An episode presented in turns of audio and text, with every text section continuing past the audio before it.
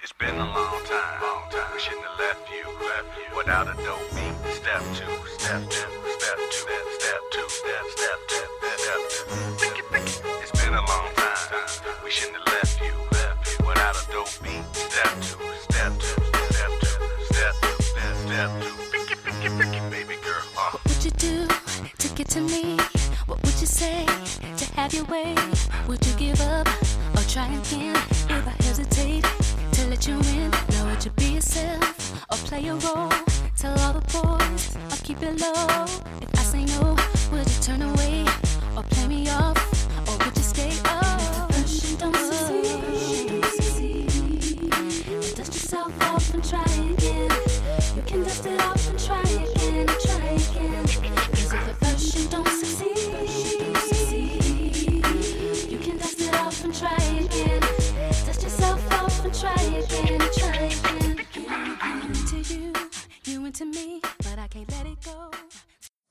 Já, góðan og blessaðan daginn og velkomin í popsálina. Ég er búin að vera aðeins fjárverandi. Það er svona ímislegt eins og COVID í gangi sem að trublar aðeins popsálina en ég ætla að pröfa þetta bara smá heima þátt.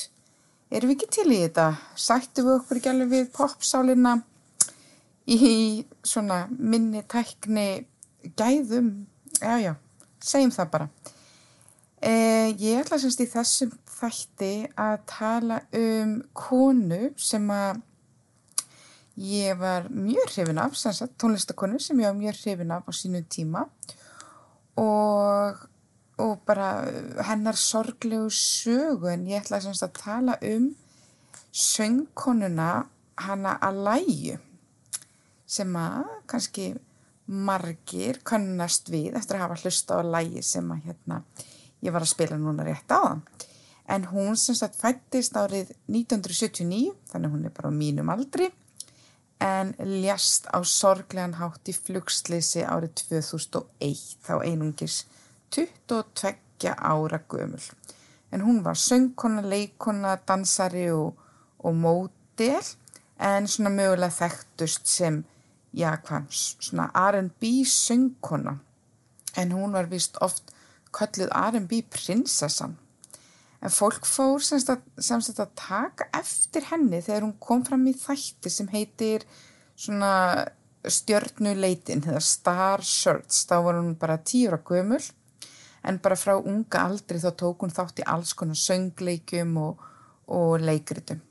Og þegar hún var 12 ára þá skrifa hún undir samning við Jive Records og það var frændanar Barry Hankerson sem er einhvers konar uh, lögfræðingur í popbransanum og rekur útgáfafyrirtæki og hann er líka fyrir um eiginmaður Gladys Knight sem að sagt, kynnti henni fyrir söngvaranum og nýðingnum R. Kelly.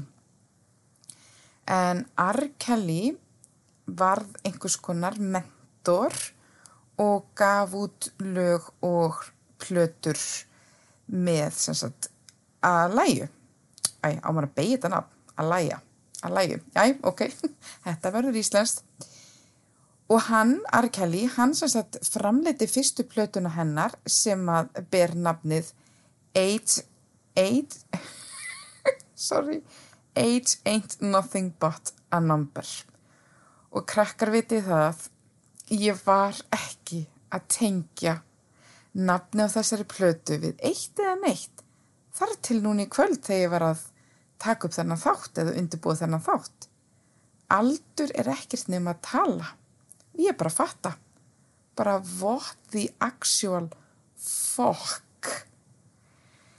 En þetta var sem sagt uh, árið hvað, 94 sem þau eru að vinna saman. Þau byrja að vinna saman 92 R. Kelly og Alaya en þá er hún 12-13 ára gömul og þau sem sagt gefa út þessa plötu aldur er ekkert nefn að tala. Platan sló í gegn og seldist um þrjár miljónir af henni og síðan seldi hún, eh, framlötu hún fleiri plötur til dæmis með Timbaland og Missy Elliott sem seldust líka vel. En eins og ég sagði á þann, þá lærði hún líka leiklist, eða hún var líka leikuna, hún var líka bara mjög góð námsmaður og hún leki myndinni Romeo Must Die og sló þá í gegn með læginu Try Again sem ég spilaði hér í byrjun. Sem er lag sem ég bara held virkilega mikið upp á. En Alaya var líka þekkt fyrir að vera með svolítið svona skemmtilegan fatastíl.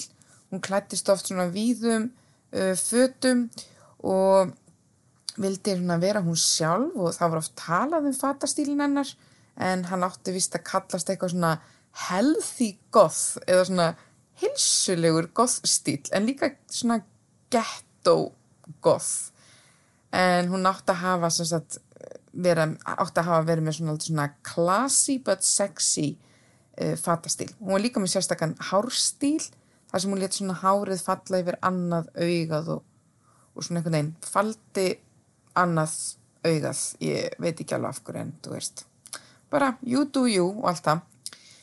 En hún starfaði samsagt með uh, hún var samsagt líka svona hluta til að vinna í einhvers konar tískubransa og markasetningu og í auðlýsingum og svoleiðis. Og margir lítu á hana sem fyrirmynd uh, bæði hvað bara náttúrulega tónlistina varður og leiklist og síðan svona tísku en líka bara sem fyrirmynd fyrir unga konur, hún ólst upp á katholsku heimili og vildi margi meina hún hefði mjög svona kristileg og heilbrigð gildi.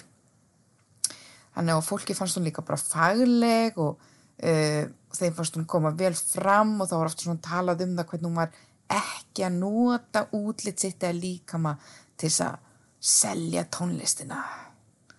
Þið vitið, akkurat feðraveldið, eða þið vitið, eitthvað, ég veit það ekki ég er að verða eitthvað ringlu í þessari sókvi sem ég er þetta.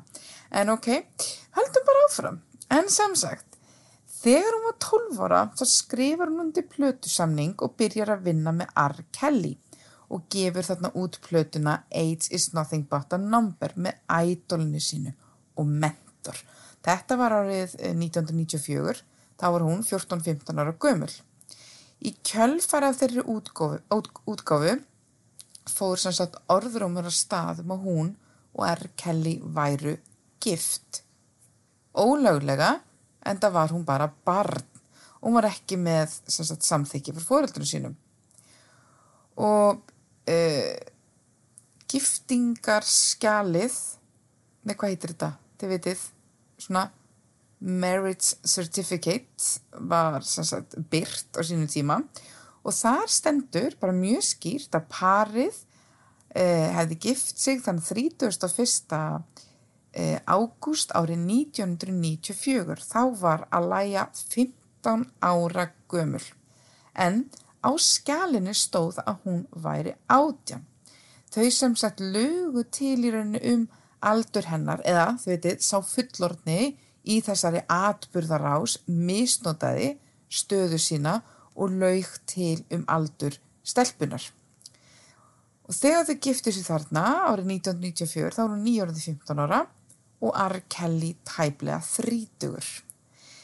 Giftingin var síðan reyndar gerð bara ógild af foreldrum hennar nokkur mánu síðar og þau viðkendu síðan í rauninni aldrei að brúkaup hefði nokkuð tíman eh, átt sér stað. Og Mér langar líka bara að benda á eitt, þau gifta sér þarna þegar hún er 15 ára en hún byrjar að vinna með hann svona 12 ára, þannig að maður veldi fyrir sér sko hvenar byrjaði þar sem að fólk kalla á þessum tíma sambandið, ég er að gera gæsalapir út í loftið, ég er að nýbúst hvenar byrjaði bara þessi misnótkun, ég veldi þessu svolítið fyrir mér. Af því að Alaya hefur talað um það í viðtónum og svona og hún og, hún og R. Kelly hefði orðið bara ótrúlega góði vini mjög snemma þegar þau byrja að vinna saman og eftir langan vinnuta færið oft hinn til hans og horfið á mynd saman og pöntu mat og svona allt mjög normalt hér og hún viðkendi að sambandir að væri mjög náið og mörgum uh, árum síðar viðkendi R. Kelly að hafa verið ástfangin af henni og samkvæmt samstarfsaðila R. Kelly sem gaf út bók um árið sín með R. Kelly sem samstarfsmæður þá sagði R. Kelly að uh, hann í rauninni væri ástfangin af Alæju og R. Kelly hafði vist áhyggjur af því að lægi væri ólétt, sem sagt 15 ára gömul og síðan í heimildamyndinni Surviving R. Kelly sem að margir hafa nú kannski séð sem kom út árið 2019 staðfest alveg nokkrir aðilar að R. Kelly hefði raunverulega verið með að læja og einsæðast jáfnvel hafa sko síðan sofa hjá henni. Eða þú veist, innan glæslappa sofa hjá henni. Að því dag er þetta náttúrulega bara allt, allt annað. En hún sem sagt verður vitni af því í einhvers konar hljómsveita rútu og segir frá því í þessari mynd. Og í sömu heimildamynd stígur frá maður sem heitir Dimitrius Smith og segir frá því að hann hefði einni heyrt R. Kelly tala um ást sína á alagi og þessa mögulegu óléttu og hann sem sagt hjálpaði R. Kelly að ljúa á brúkupsteginum. Að hjálpa hann að falsa skjölin og skrifa á skjölin að alagi væri 18 ára en ekki 15. Hann sagði einni í myndinni að aðtöfnin hefði verið stutt og eiginlega bara frekar ómerkileg og hún hefði fundist eins og bara að læja væri bara frekar hrætt eða svona, já, kvíðin yfir þessu öllu saman. En eftir að foreldra hennar skárist í leikin og letu ógilda brúðkaupið, köttaði að læja á öll sambund við R. Kelly og hérna og heyrði í rauninni þannig að segja ekkert meir í honum og sagan segir við slíka yfir, til að bæta þessu við að þessi Dimitrius Smith hafi sem sagt aðstóðað R. Kelly við að falsa skjölin svo að þau tvö gætu gifst svo hún gæti látið rjúfa meðgönguna sína. Að því ef hún væri ekki gift honum þá hefði hún þurft í rauninni samþykki foreldra sína í staðin. En sem sagt, hún uh, rýfur þarna á öll tengsl, eða köttar á öll tengsl við R. Kelly eftir að foreldrannar uh, skárist þarna inn í leikin og hún neytaði alltaf að tala um hann þegar hún veitti viðtöl, hún hafnaði öllu frekar samstarf við hann og fólk nálagt henni hefur sagt að hún vildi bara hreinlega ekki heyra á hann minnst eftir þetta. En hún hefur samt sagt við sína nánustu bara að R. Kelly sé vondur maður. Um, samstarfsfólk að lægi talaði um það eftir málið uh, með að þá fórir henni að ganga verð í hennar svona faglega lífi heldur en hjá R. Kelly. Það var eins og þetta mál allt saman, þetta brúðkaup eða þetta sérkennilega innan gæslapa samband eins og var skrifað um þetta á sínum tíma væri að hafa mun verri áhrif á hennar frama í tónlist og leiklist heldur en hans. Mjög klassíst. En það var síðan þarna árið 2001 sem að allt breyttist en sagt, á leiðsynni frá uh, Bahama þann 25. ágúst árið 2001 þá voru hann einungist 22 ára þá ljast að læja í flugsleysi. Hún og hennar fólk hafði verið að taka upp myndband við lægið Rock the Boat en það myndband var síðan frumflutt nokkru mánuðum síðar en hún átti vist, hún átti vist að fara með flugi um, degi setna heim til sín. En grúpan hennar hafði eitthvað verið að flýta sér og heimtuðu í rauninni að fara um borð í svona minni vél degi fyrr. Og sögur herma vist að flugstjórun hafi verið að reyna að uh, stöðva þetta, vildi ekki fljúa með þau öll að þau voru of þung fyrir þessa litlu vél þannig að e, það er talið að flugvélinn hafi verið á þung og hrapaði hún bara stuttu eftir flugtækið og allir nýju aðilatunum borð létust og setna kom sér í ljósað að í blóði flugstjórans mátti finna áfengi og kókain og hann var vist ekki eins og með réttindi til þess að fljúa þeirri vél sem hann var að fljúa þarna. En í jarðaför hennar sem var mjög fjölmenn voru sem sagt 22 kvítar e, eh, dúfurlátnar fljúa sem táknum árin hennar e, í hennar lífi og á leggsteini hennar stendur Baby Girl sem er svona e, gælunafnið hennar og einni stendur We were giving a queen, we were giving an angel. Vá, krakkar ég og enska svona seinta kvöldi, þetta er góð blanda. En eftir þetta sorglega fráfall uh, heldur lögin hennar áfram að heyrast og hún var lengi vel en þá bara mjög vinsæl R&B tónlistamæður. En af hverju er ég að tala um þetta? Af hverju er ég að tala um hana indislegu að læja?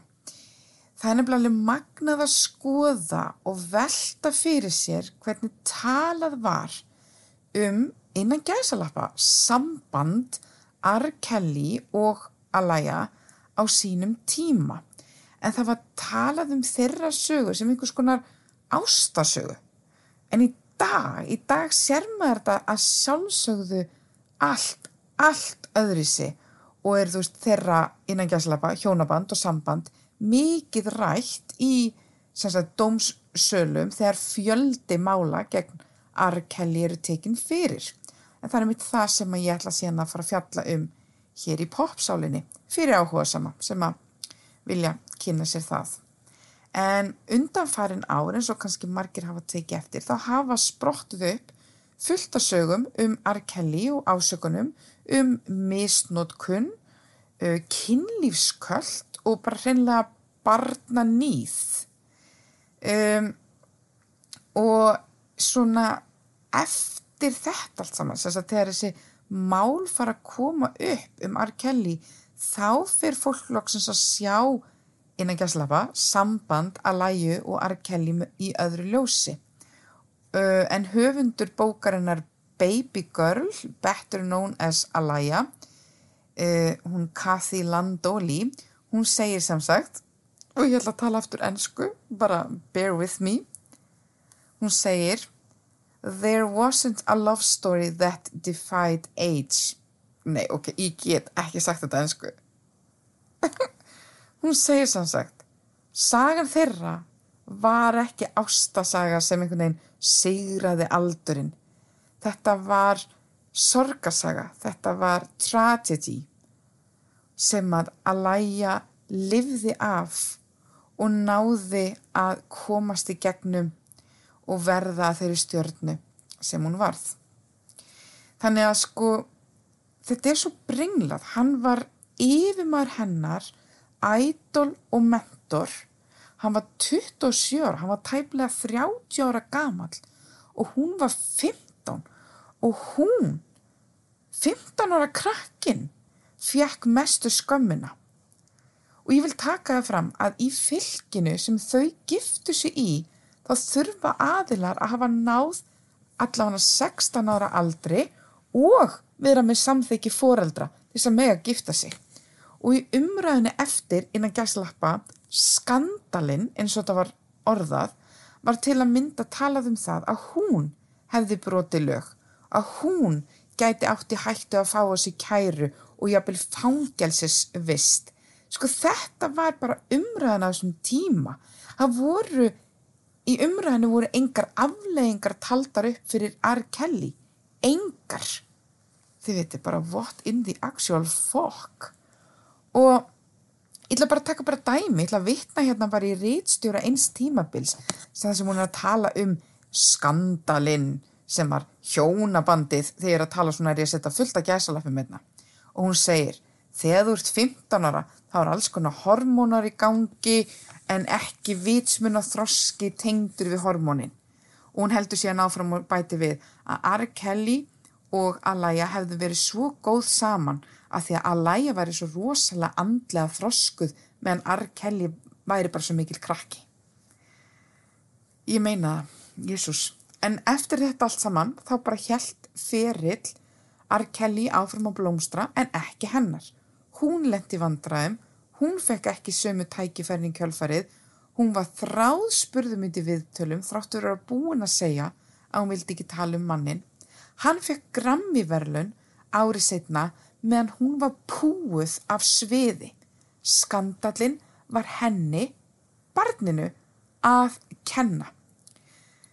Og þetta var svo auglust svona, ég man eftir þessu umræðu, okay, ég var líka bara úlingur, en ég man eftir að sagan og þessi atbyrðarás var sett þannig upp að hún væri unga stelpan sem tældi greið mannin.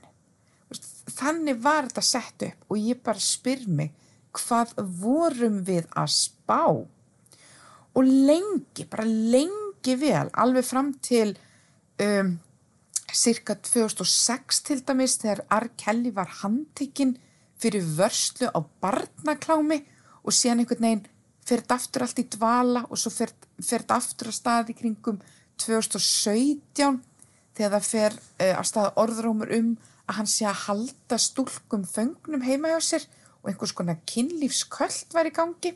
Það var ekki rauninni fyrir, fyrir sko í kringum þetta sem að við fórum átt okkur á að þetta væri rauninni ekki bara einhver svona sápu, óperu, kentur, skandal, heldur barna misnótkun.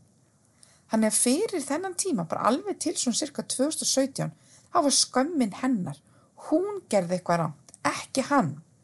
Fólk leit á þetta annarkvort sem eitthvað svona óheðbundið ástarsamband e, eða einhvers konar svona lólítusaga af svona ungri stelpu sem að tælir fullorðin karlmann. Svo má alltaf ekki gleyma, þið vitið, þessari plötu sem að kelli samti og læginu. Aldur er ekkert nefn að tala. Pæli í þessu. Hann var vippi fyrir framann okkur. Hann, hann í rauninni smurði þessum vippa framann í okkur og við tókum ekki eftir þessu. En hennar ímynd í þau fáu ár sem hún átti eftir að lifa voru því miður bara lituð af þessu sambandi hennar við R. Kelly þrátt fyrir að hún reyndi eins mikið hún gæti að færa sér frá honum og neyta að tala um hann. En þetta litaði hennar sögu alveg þar til hún lest uh, árið 2001. En mér langaði sem sagt að hefja þessa umræðu um R. Kelly á henni indislegu að læja og það bara hefur setið svo lengi í mér einhvern veginn hvernig við litum á þessa atbyrðarás uh, frá þessum tíma og ég man alveg með fannst hún vera einhver svona ung stelpa sem tældi R. Kelly og ég man eftir þessu umræðu með greiði R. Kelly og ég vil bara byrja hér, ég vil bara byrja á þessari indislegu konu og, og við föttum að hún var 15 ára gamall krakki þegar þetta er allt saman að gerast. En já, stutt og lagkott í dag, heyrumst vonandi fljótlega.